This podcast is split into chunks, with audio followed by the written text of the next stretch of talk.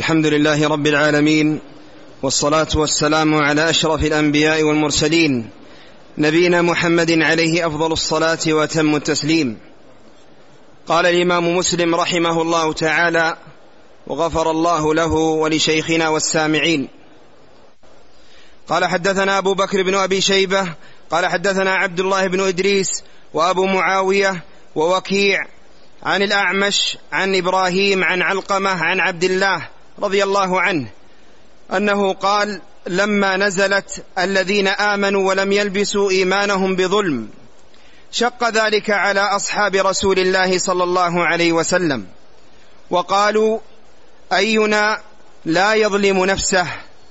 فقال رسول الله صلى الله عليه وسلم ليس هو كما تظنون إنما هو كما قال لقمان لابنه يا يا بني لا تشرك بالله إن الشرك لظلم عظيم. بسم الله الرحمن الرحيم. الحمد لله رب العالمين وصلى الله وسلم وبارك على عبده ورسوله نبينا محمد وعلى آله وأصحابه أجمعين. أما بعد فهذا الحديث عن عبد الله بن مسعود رضي الله تعالى بن مسعود؟ نعم. عن عبد الله بن مسعود رضي الله تعالى عنه أن أنها لما نزلت الآية الذين آمنوا ولم يلبسوا إيمانهم بظلم شق ذلك على أصحاب رسول الله صلى الله عليه وسلم وقالوا أينا لم يظلم نفسه؟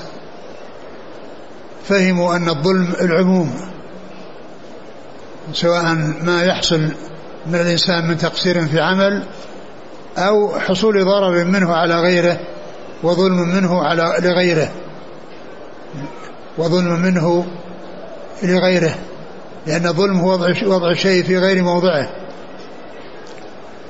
فشق ذلك على أصحاب الرسول صلى الله عليه وسلم وفهموا هذا الفهم الذي هو الظلم بالمعنى العام الذي يدخل فيه إيذاء الناس بالكلام أو بالفعل أو بأخذ أموالهم أو ما إلى ذلك من أنواع الظلم.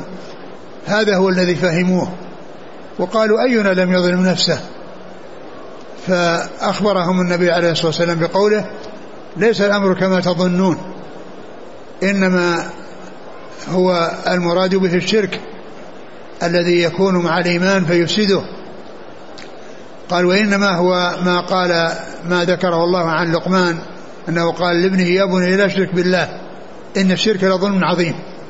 فهذا هو المقصود بهذا ال ال الذي جاء في الآية وأنه ليس المقصود به عموم الظلم الذي يحصل من الناس في ما بينهم وبين غيرهم أو في تقصيرهم في أعمالهم التي يلزمهم القيام بها. هكذا فهموا رضي الله عنهم وأرضاهم وأجابهم أجابهم النبي عليه الصلاة والسلام بأن الأمر ليس كما فهموا.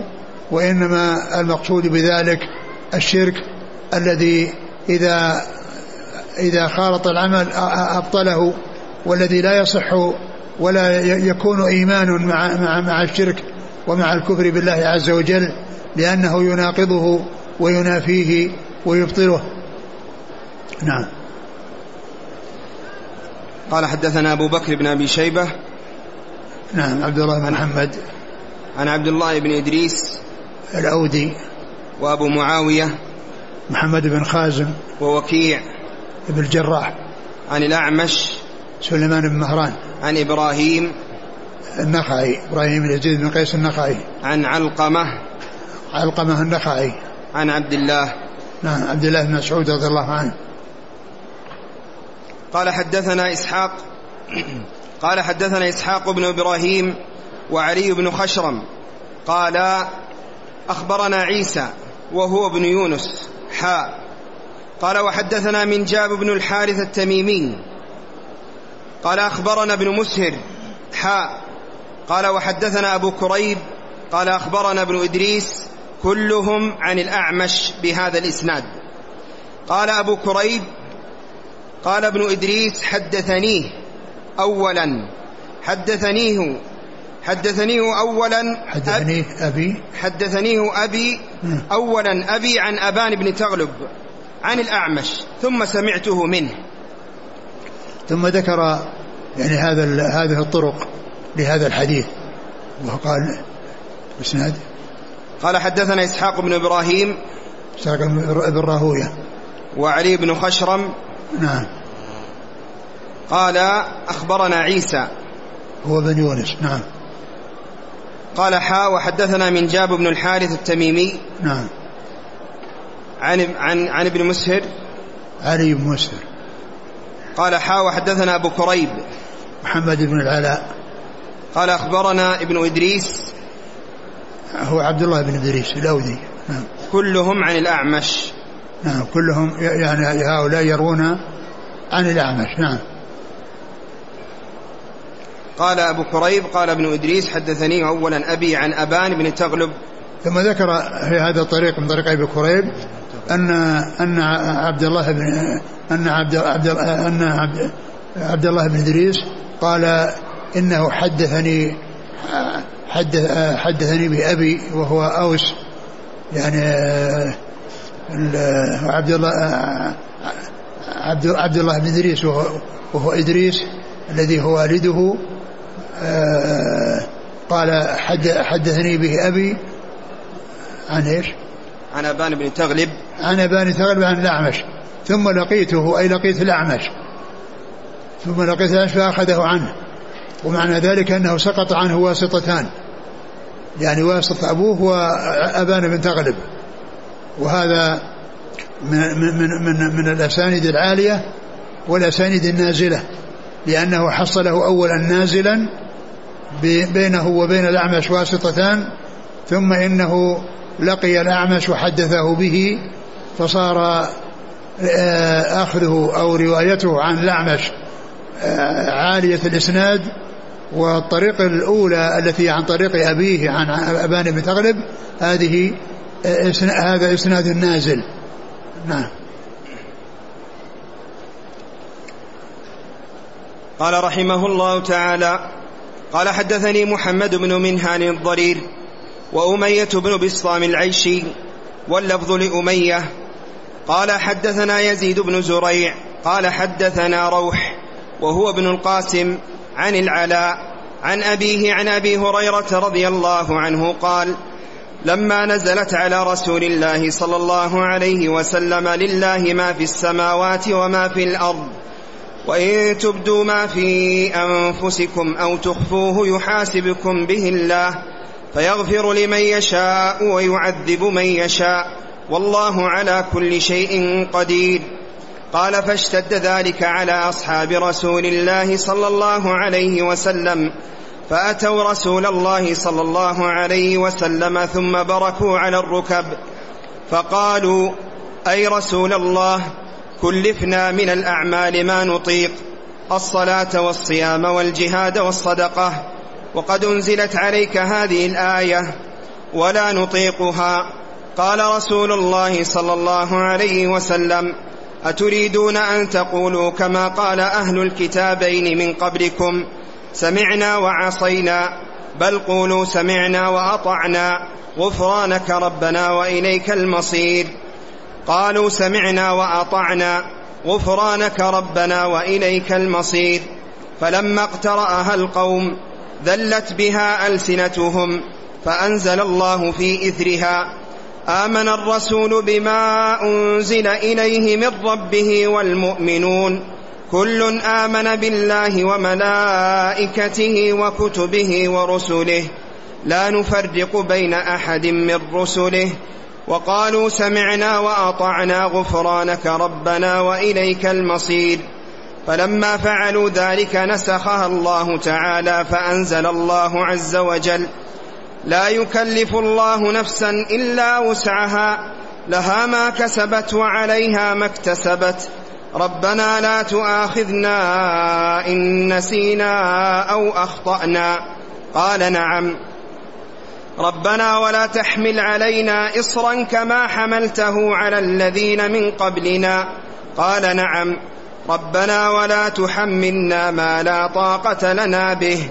قال نعم واعف عنا واغفر لنا وارحمنا. أنت مولانا فانصرنا على القوم الكافرين. قال نعم. ثم ذكر هذه الأحاديث المتعلقة بهذه الآية في آه هذه الآيات في آخر سورة البقرة. لله ما في السماوات وما في الأرض وإن تبدوا ما في أنفسكم أو تخفوه يحاسبكم به الله.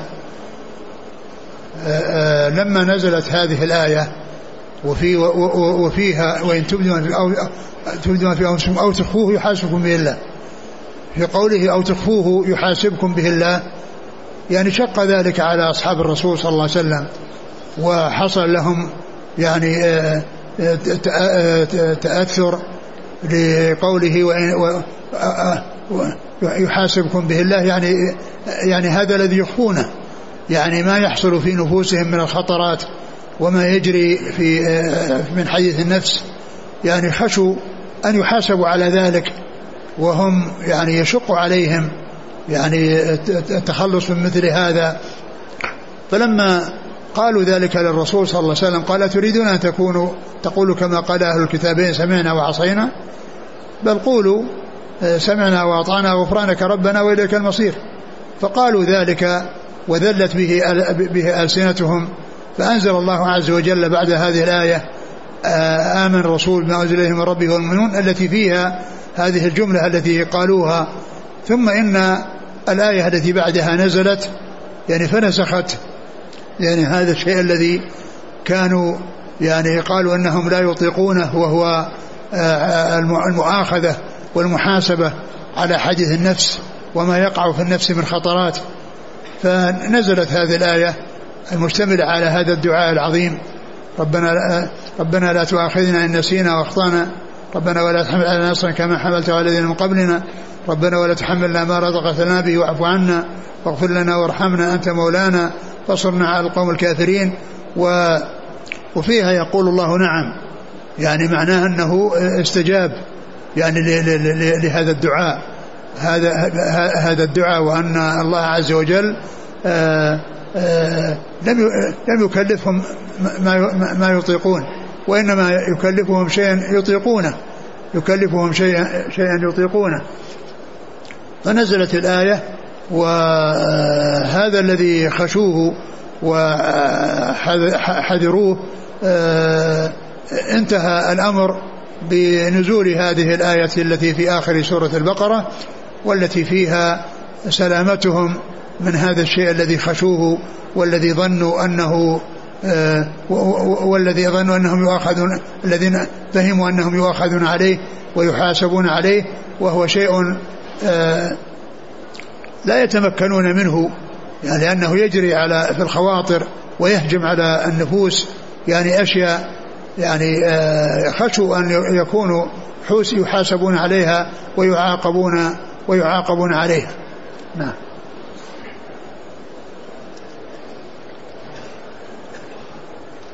قال حدثني محمد بن منهال الضرير نعم, نعم. وأمية ابن بسطام. نعم.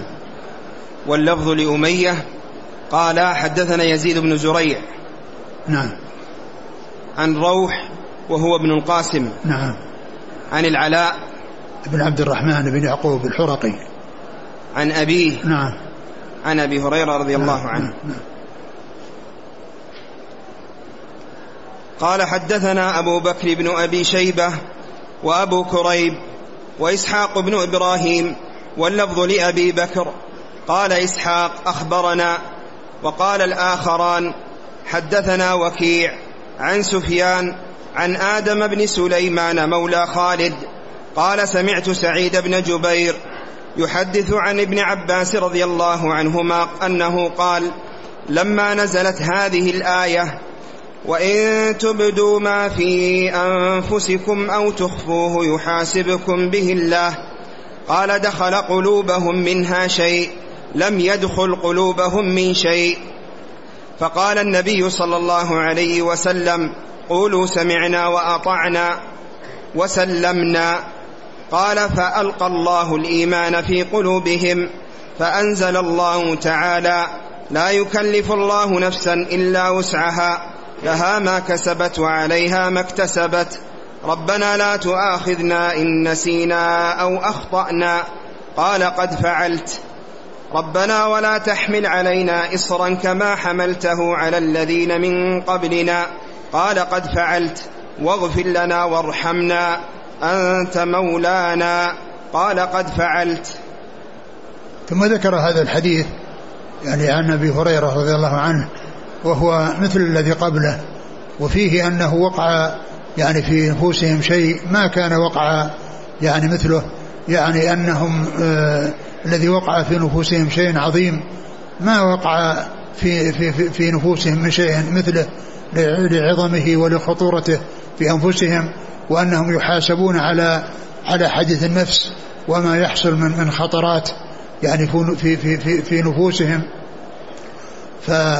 فأنزل الله عز وجل يعني هذه الآية وفيها مثل ما في الذي قبلها لأنه في يقول الله عز وجل في الرواية الأولى نعم وهنا يقول قد فعلت يعني أني استجبت وأجبتكم وأنه لا, لا يكلفهم ما لا يطيقون وأنه يحقق لهم ما سألوه وما أرادوه في هذا الدعاء الذي جاءت به الذي ختمت به هذه السورة.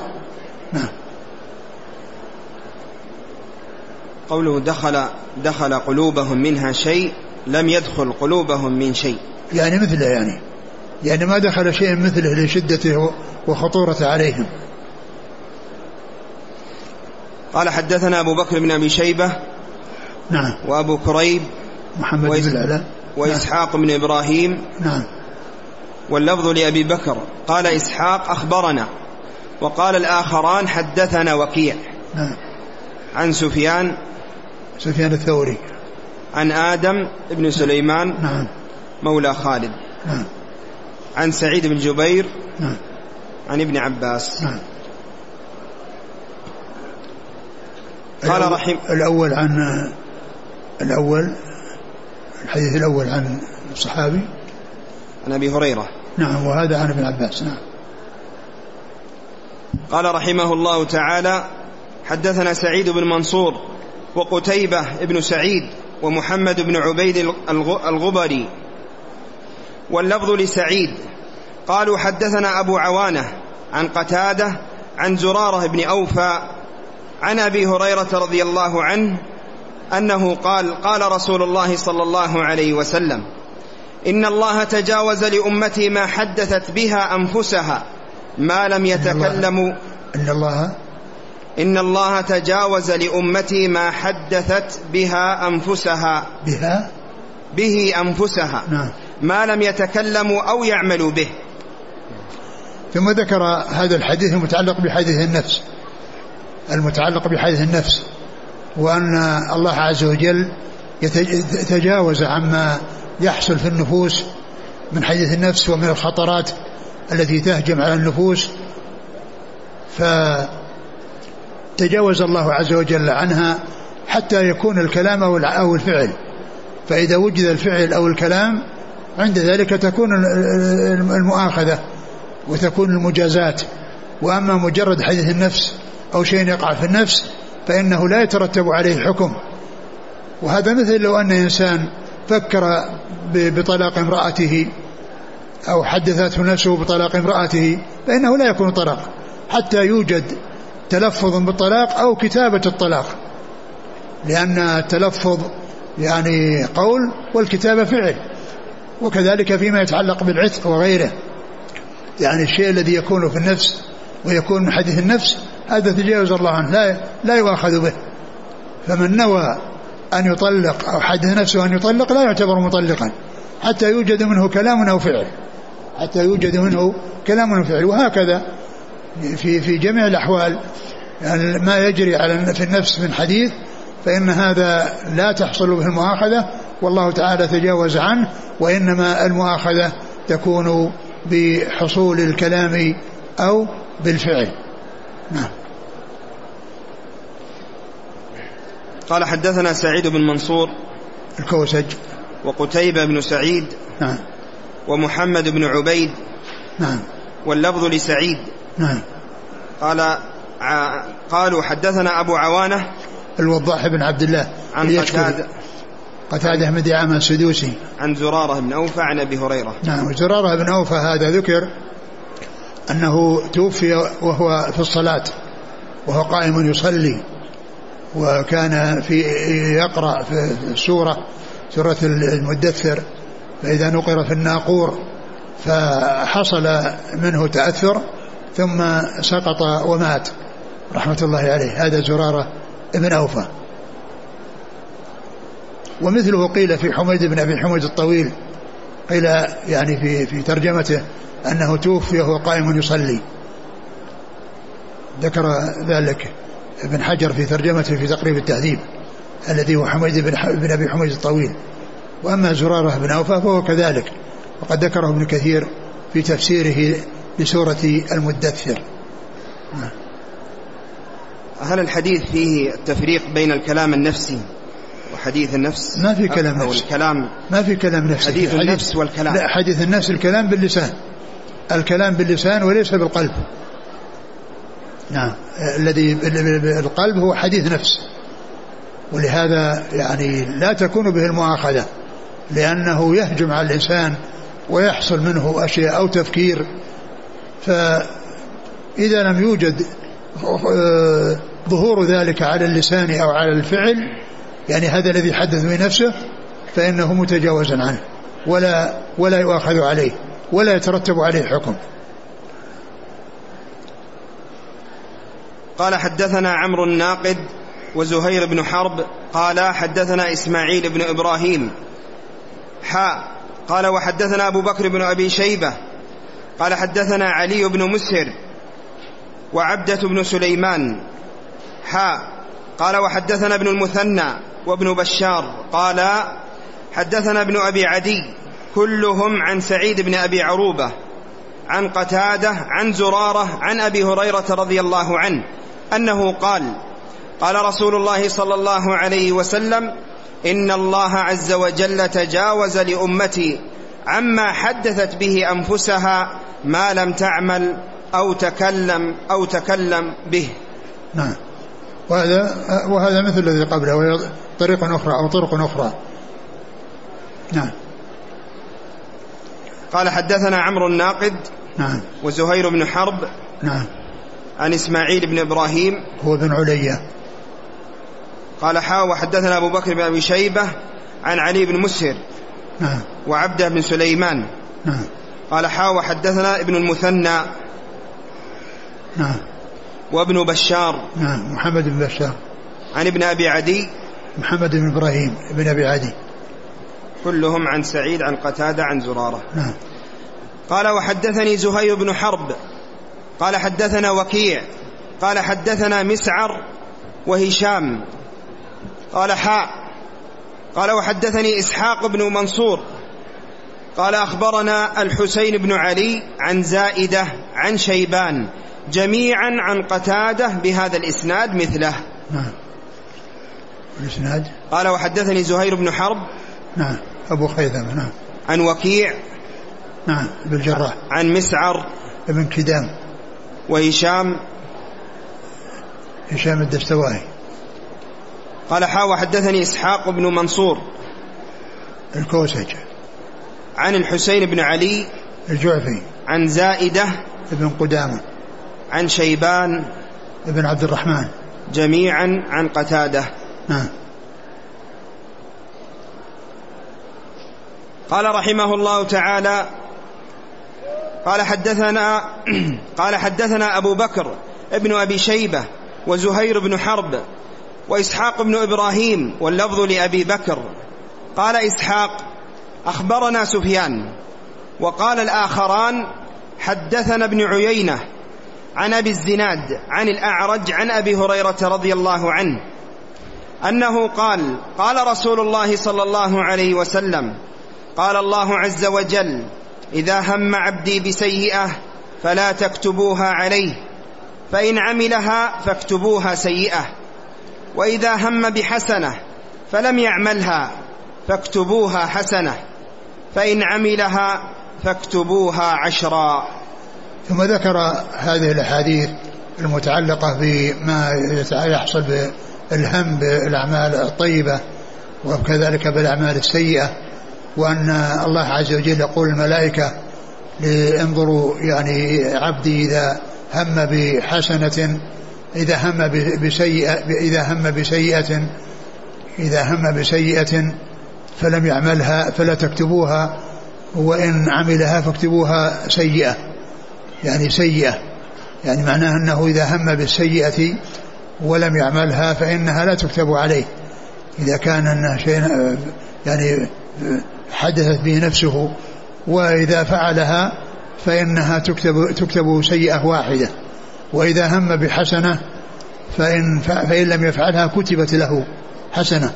وإن فعلها كتبت له عشرا كتبت له عشرا فهو بالنسبة في فعل الخيرات وسبل الخير فإنه يثاب على ذلك بنيته وقصده واتجاهه ورغبته وكذلك أيضا في عمله إلا أن إلا أنه إذا كان عمل الحسنة تكون بعشر أمثالها وإذا كان لم يعملها ولكنه هم بها فإنها تكتب له تكتب له حسنة. تكتب له حسنة. وأما بالنسبة للسيئة فإنها إذا لم يعملها لا تكتب عليه تكتب عليه. وإذا عملها فإنها تكتب سيئة تكتب سيئة واحدة. نعم.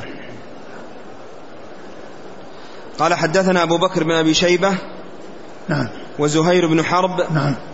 وإسحاق بن إبراهيم نعم. واللفظ لأبي بكر. نعم. قال إسحاق أخبرنا سفيان. سفيان بن عيينة لأن جاء يعني بعض الرواة عبر بسفيان وبعضهم عبر بابن عيينة. نعم. وقال الآخران حدثنا ابن عيينة. نعم. عن أبي الزناد وهو عبد الله بن ذكوان كنيته أبو عبد الرحمن ويلقب بأبي الزناد فهي كنية على صيغة فهو لقب على صيغة الكنية. وهذا مثل أبي هريرة فإنه لقب على صيغة الكنية. نعم. عن الأعرج. وهو عبد الرحمن بن هرمز. عن عن أبي هريرة رضي الله عنه. نعم. قال حدثنا يحيى ابن أيوب وقتيبة وابن حجر. قالوا حدثنا إسماعيل وهو ابن جعفر. عن العلاء عن أبيه عن أبي هريرة رضي الله عنه. عن رسول الله صلى الله عليه وسلم قال قال الله عز وجل إذا هم عبدي بحسنة فلم يعملها كتبتها له حسنة فإن عملها إذا هم. قال إذا قال قال الله عز وجل إذا هم عبدي بحسنة ولم يعملها كتبتها له حسنة فإن, فإن عملها كتبتها عشر حسنات إلى سبعمائة ضعف. وإذا هم بسيئة ولم يعملها لم أكتبها عليه فإن عملها كتبتها سيئة واحدة. وهذا مثل مثل الذي قبله. مثل الذي قبله. وفيه هنا قال سيئة واحدة يعني تنصيص التقييد بواحدة يعني معناه حتى يعني إنه لا حتى لا يعني يعني معناه إنه ما في مضاعفة. هي واحدة لا زيادة عليها لأن السيئة يعني يعني تكتب سيئة واحدة وأما الحسنة فتكتب بعشر أمثالها. إذا فعلت الحسنة فهي بعشر أمثالها إلى سبعمائة ضعف إلى أضعاف كثيرة وأما السيئة فإنها تكتب سيئة واحدة. وقيدها بواحدة حتى يعني لا يفهم الزيادة عليها وأن أن الإنسان يزاد في سيئاته فالسيئات لا تزاد وإن والحسنات هي التي تضاعف أضعافا أضعافا كثيرة. نعم. قال حدثنا يحيى بن أيوب نعم. وقتيبة وابن حجر. نعم علي بن حجر. عن عن إسماعيل هو ابن جعفر. نعم. عن العلاء. نعم. عن أبيه عن أبي هريرة. نعم. قال حد قال وحدثنا محمد بن رافع. قال حدثنا عبد الرزاق. قال أخبرنا معمر عن همام بن منبه. قال أنه قال هذا ما حدثنا أبو هريرة رضي الله عنه عن محمد رسول الله صلى الله عليه وسلم. فذكر. أنه قال قال رسول الله صلى الله عليه وسلم. ما في فذكر أحاديث. لا ما في. ها؟ لا ما في حد ذكر أحاديث. إيش قال؟ حدنا قال هذا؟ قال وحدثنا محمد بن رافع. ها؟ قال حدثنا عبد الرزاق. قال أخبرنا معمر عن همام بن منبه. قال هذا ما حدثنا أبو هريرة عن محمد رسول الله صلى الله عليه وسلم. أنه قال قال رسول الله صلى الله عليه وسلم. هو هو هذه هذا الحديث من جملة صحيفة همام منبه. وفيه أن أنه يقول فذكر أحاديث لأنه آه، الحديث الذي سيورده يعني سبقها حديث الصحيفة لأن الصحيفة تبلغ 140 حديثا 140 حديثا إسناد واحد ويفصل بين كل حديث وحديث بقوله وقال رسول الله صلى الله عليه وسلم. والحديث وهذه الصحيفة موجودة في المسند مسند الإمام أحمد. بإسناد واحد ثم بعد ذلك يأتي الفصل بين كل حديث وحديث بقوله وقال رسول الله صلى الله عليه وسلم يعني أن فيه وقال الرسول صلى الله عليه وسلم 140 مرة بعدد الأحاديث التي آه، جاءت في هذا الإسناد الذي هو إسناد هذه الصحيفة التي هي صحيفة همام منبه. لكن فيه يعني في صحيح مسلم أنه قال هذا ما حدنا بمحمد رسول الله فذكر أحاديث.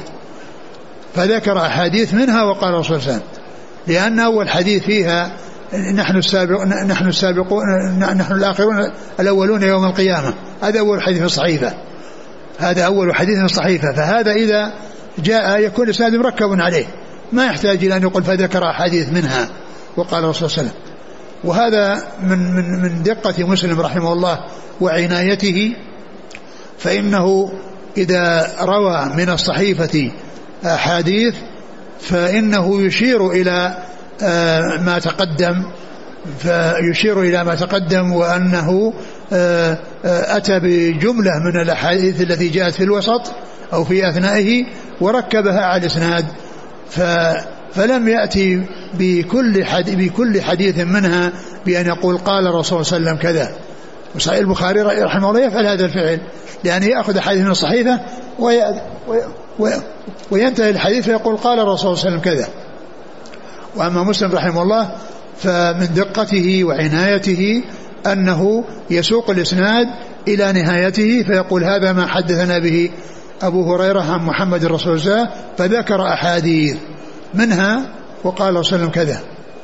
يعني هذا ما فيه ما في فذكر أحاديث؟ في بعض النسخ أي نعم في اليونانية ذكر بالحاشية. هي كلها هي كلها كل الحديث هي كثيرة تأتي في صحيح مسلم. كثيرة في صحيح بهذا الإسناد. محمد بن رافع عن عبد الرزاق عن معمر عن همام عن أبي هريرة. هذا هو إسناد الصحيفة وكلها من طريق شيخه محمد بن رافع. كلها من طريق شيخه محمد بن رافع. ولكنه لعنايته أو من عنايته ودقته أنه يعبر بهذه العبارة يعبر بهذه العبارة. وكما قلت البخاري يذكر الإسناد ويأتي بالجملة التي يريدها من الحديث مبنية مركبة على الإسناد.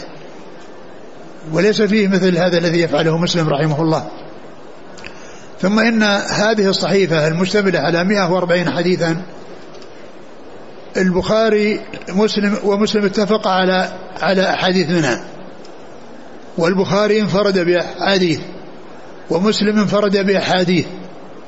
وهذا وهذا من أوضح الأدلة الدالة على أن صاحبي الصحيح ما قصد استيعاب الأحاديث الصحيحة والإتيان بالأحاديث الصحيحة كلها وإنما ينتقون ويأتون بأحاديث يعني صحيحة فهذه الصحيفة أو عملهم في هذه الصحيفة يدل على ذلك. لأن لو كان من شرطهم آه، إخراج الصحيح أتوا بالصحيفة كلها من أولها إلى آخرها. لأنها كلها بإسناد واحد وكلها صحيحة. ولكنهم ينتقون فيتفقون على إخراج شيء منها وينفرد البخاري بإخراج أحاديث منها وينفرد مسلم بإخراج أحاديث منها. يقول هذا ما حدثنا محمد رسول الله؟ قال هذا ما حدثنا أبو هريرة عن محمد رسول الله صلى الله عليه وسلم. نعم. أنه قال قال رسول الله صلى الله عليه وسلم قال الله عز وجل إذا تحدث عبدي إذا تحدث عبدي بأن يعمل بحسنة بأن يعمل حسنة فأنا أكتبها له حسنة ما لم يعمل. فإذا عملها فأنا أكتبها بعشر أمثالها. وإذا تحدث بأن يعمل سيئة فأنا أغفرها له ما لم يعملها. فإذا عملها فأنا أكتبها له بمثلها. تكتب مثلها يعني واحدة سيئة واحدة. يعني ما تكتب يعني ما في زيادة. الحسنة تضاعف والسيئة لا تضاعف. ولكن كما هو معلوم السيئات يعني في الأماكن المقدسة والمواضع المقدسة والأزمان المقدسة يعني شأنها خطير وعظيم ويعني وفرق بين المعصية آه، في الحرم والمعصية في أماكن أخرى. فهي لا تتضاعف بالكميات ولكنها تضخم وتعظم. وتضخم وتعظم يعني في مثل ما جاء في حديث في أثر ابن عباس وعمر بن الخطاب رضي الله عنهما لا صغيرة مع الإصرار لا صغيرة مع الإصرار لأن الصغيرة إذا صحبها قلة حياء وقلة مبالاة وعدم اكتراث فإنها آه، تلحق بالكبائر وبالعكس الكبيرة فإنها بالندم والخوف والاستغفار تتضاءل. تتضاءل وتتلاشى حتى لا يكون لها وجود. ف فالسيئة يعني آه، تكتب سيئة واحدة ولا ولا تضاعف السيئات ولكنها تضخم وتعظم إذا كانت في الأزمان المقدسة والأماكن المقدسة. نعم.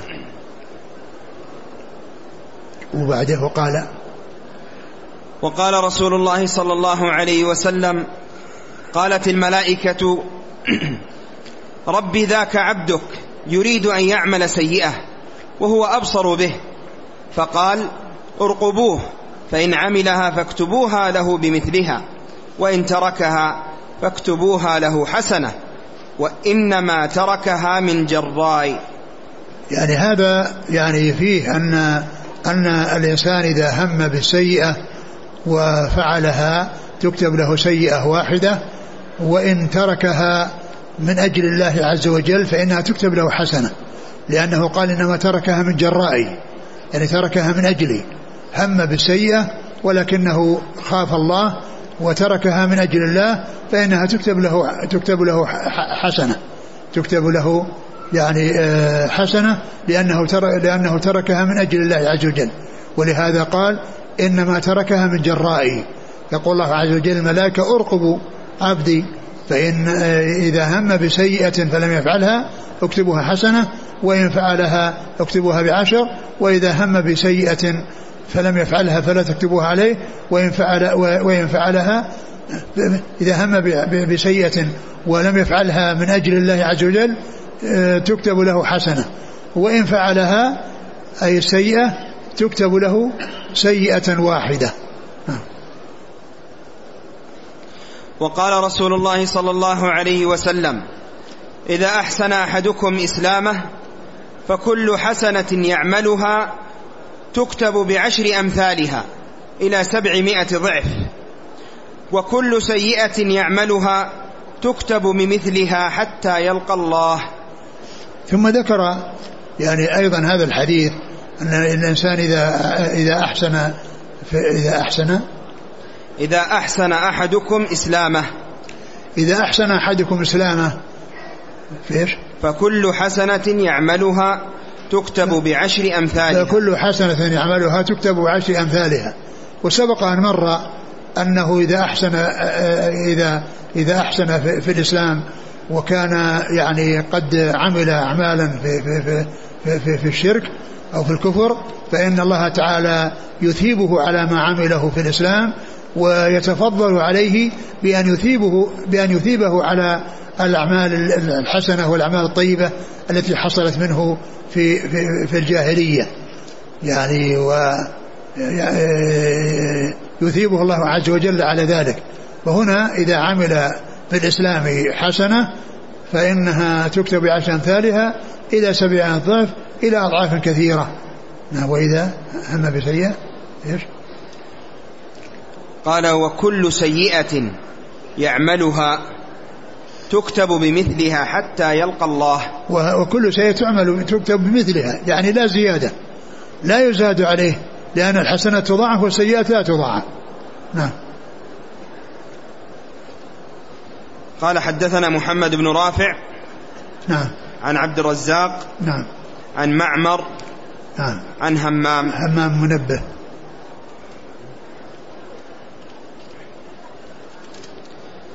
قال وحدثنا أبو كريب. قال حدثنا يعني, يعني هذا الحديث يعني فيه ثلاثة أحاديث من حديث صحيفة وكلها يفصل بينها وقال الرسول صلى الله عليه وسلم وقال رسول الله صلى الله عليه وسلم كذا. فالحديث هذا فيه ثلاثة أحاديث من الصحيفة نعم قال وحدثنا أبو كريب قال حدثنا أبو خالد الأحمر عن هشام عن سيرين عن أبي هريرة رضي الله عنه أنه قال قال رسول الله صلى الله عليه وسلم من هم بحسنة فلم يعملها كتبت, كتبت له حسنة. ومن هم بحسنة فعملها كتبت له عشرا إلى سبعمائة ضعف.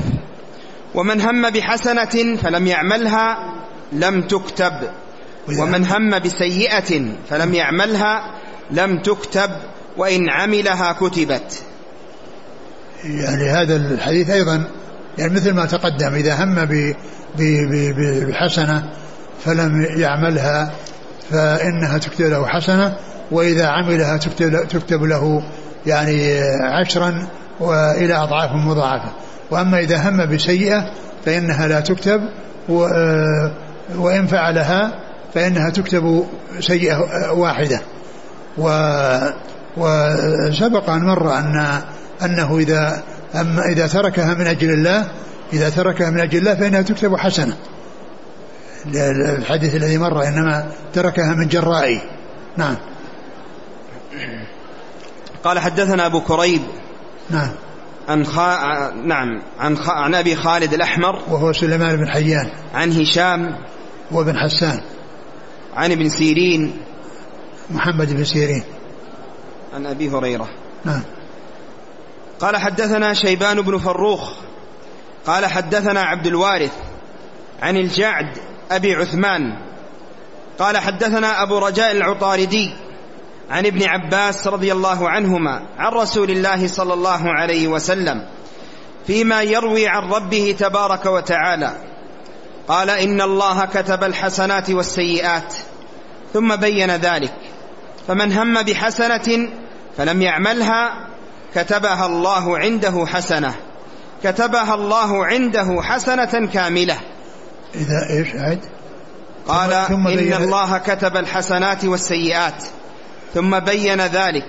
فمن هم بحسنة فلم يعملها كتبها الله عنده حسنة كاملة. وإن هم بها فعملها كتبها الله عز وجل عنده عشر حسنات. إلى سبعمائة ضعف إلى أضعاف كثيرة. وإن هم بسيئة فلم يعملها كتبها الله عنده حسنة كاملة.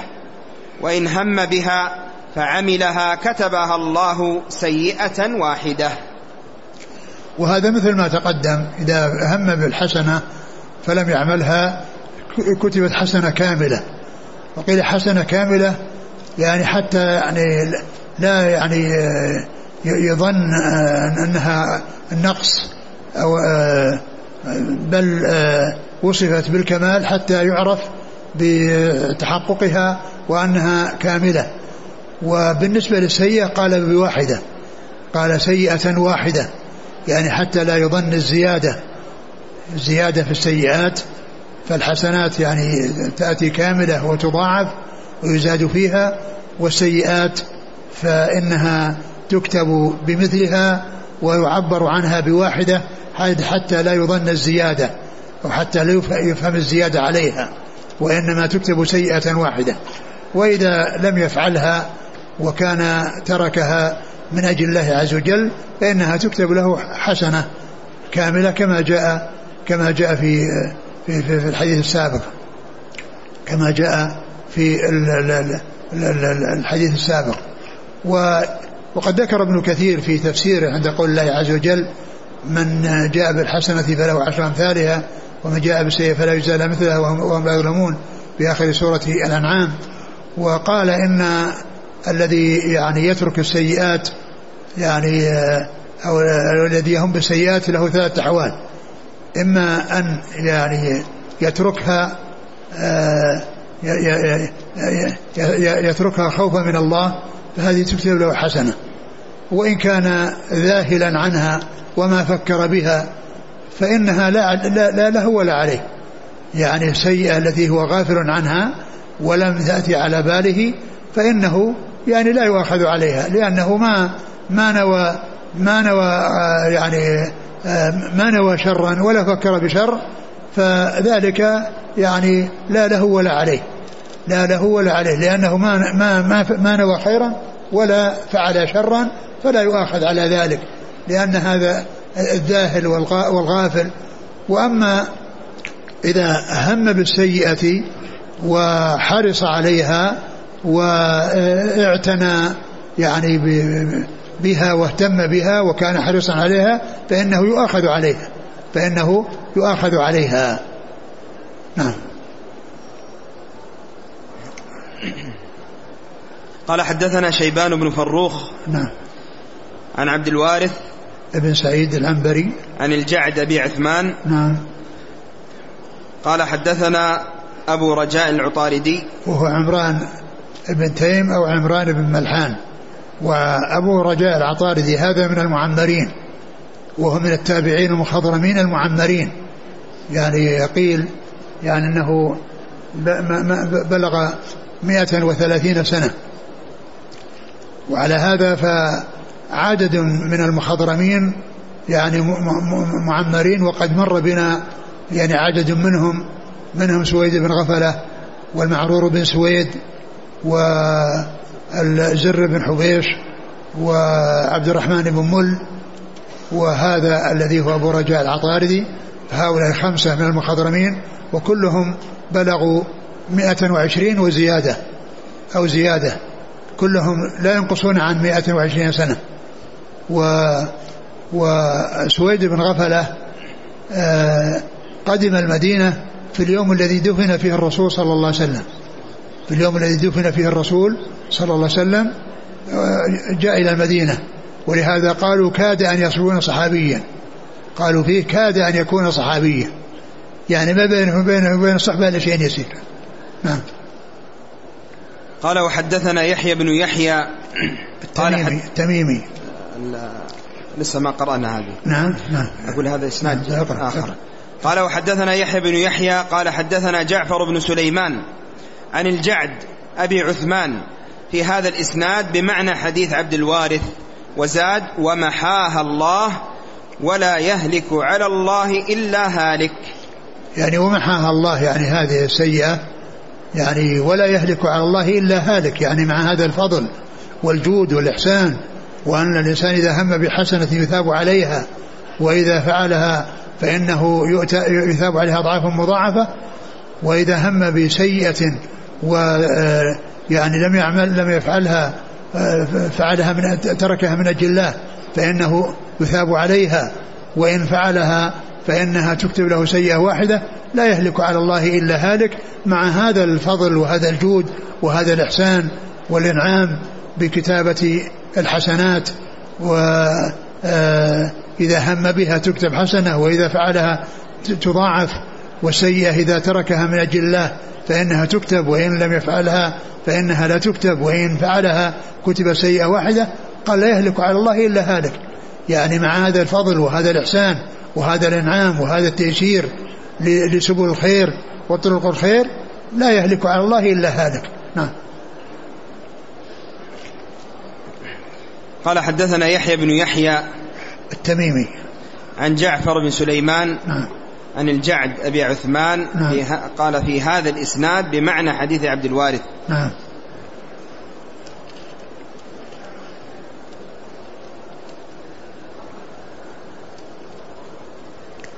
ثم قال بعد ذلك باب بيان الوسوسة في الإيمان. نعم يعني ها يعني هذا الحديث يعني الذي هو حديث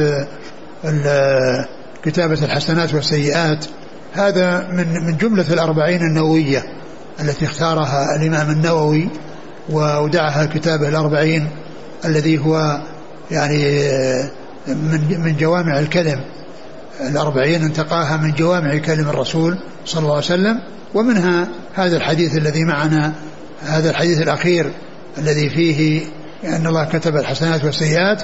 هذا الحديث أو هذا المتن هو الذي أورده في الأربعين أن في الأربعين النووية وكما هو معلوم الأربعين النووية هي أحاديث من جوامع الكلم وهي في الحقيقة 42 ولكنها قيل لها أربعين يعني مع حذف الكسر وابن رجب الحنبلي زاد ثمانية عليها وهي من جوامع الكلم أيضا وشرح الخمسين آه، التي للنووي والزيادة التي زادها في كتاب نفيس عظيم اسمه جامع العلوم والحكم في آه، شرح خمسين حديثا من جوامع الكلم.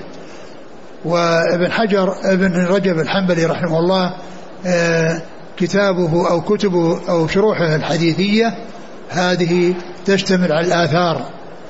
هي مظنة البحث عن الآثار عن الصحابة والتابعين ومن بعدهم فإنه يعنى بذكر الآثار في موضوع الحديث. ولهذا فإن هذا الكتاب نفيس ولا يستغني عنه طالب العلم لأنه مشتمل على هذه الأحاديث الخمسين التي هي من جوامع الكلم وعلى شرحه لها يعني بطريقته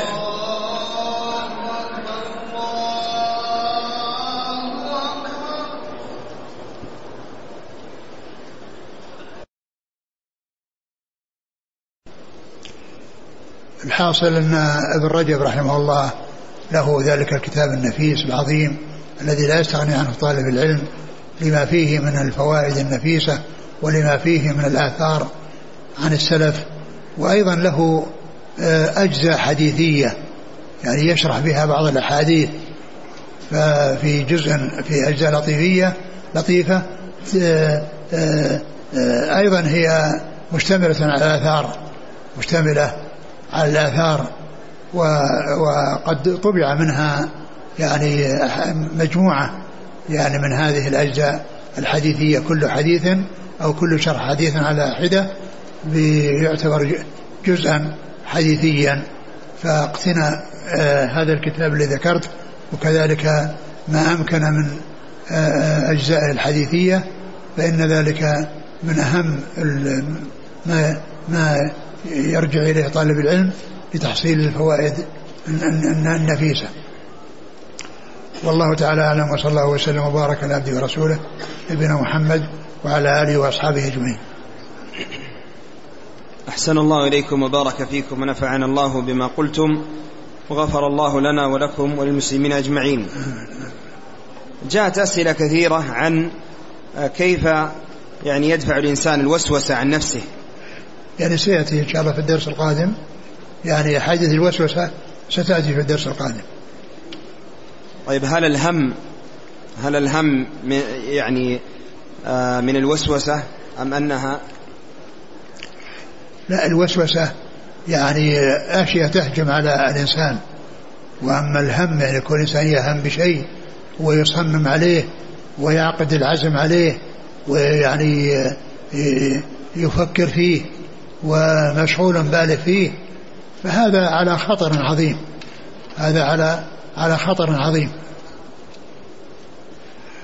الحديث الذي كان الذي فيه كان حريصا على قتل أخيه. نعم.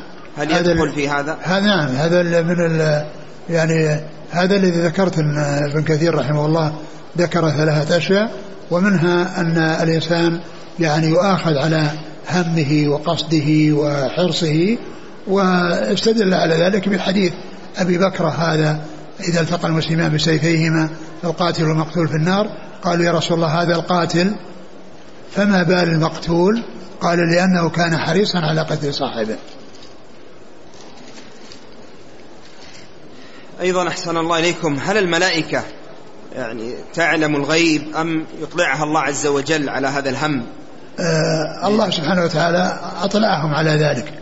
لأن كل لا يعلم الغيب إلا ما أطلعه الله عليه. الجن والإنس والملائكة هذه هذه العوالم الثلاثة لا يعلمون الغيب إلا ما أطلعهم الله عليه. لا يعلمون الغيب إلا ما أطلعهم الله عليه. فالرسول صلى الله عليه وسلم قال ولا أقول لكم ولا أعلم الغيب. أمر الله بأن يقول ولا أعلم الغيب.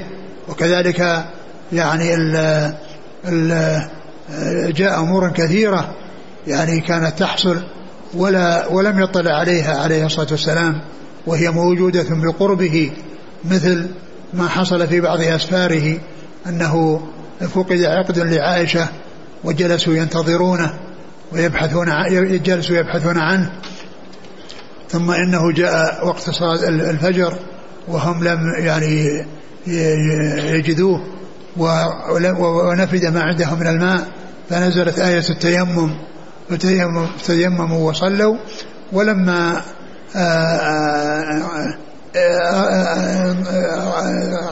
أرادوا أن يرجعوا وينصرفوا أثاروا أثاروا البعير الذي تركب العاشة وإذا العقد تحته الرسول صلى الله عليه وسلم لو كان يعلم المغيبات ما جلسوا هذه المدة وبانتظار العقد والعقد تحت الجمل أو تحت الدابة التي يركب عليها تركب عليها عائشة رضي الله عنها. فهذا غيب. هذا غيب لم يطل عليه الرسول صلى الله عليه وسلم. والله تعالى يطلع نبيه على شيء من الغيوب وكذلك يطلع ملائكته على ما شاء من من الغيوب. ولكن لا أحد يعلم الغيب على الإطلاق إلا الله عز وجل. قل لا يعلم السماوات الغيب إلا الله. والجن أخبر الله عنهم بأنهم لا يعلمون الغيب؟ كما في في سورة سبأ. فلما قضينا عليه الموت ما دلهم على موته إلا دابة الأرض تأكل من ساعته. فلما خر تبينت الجن أن لو كانوا يعلمون الغيب ما لبثوا في العذاب المهين. والملائكة يعني كذلك في, في, في أول سورة البقرة يا سبحانك لا, لا ما علمنا إلا ما علمتنا. و الغيب لا يعلمه على الإطلاق إلا الله سبحانه وتعالى.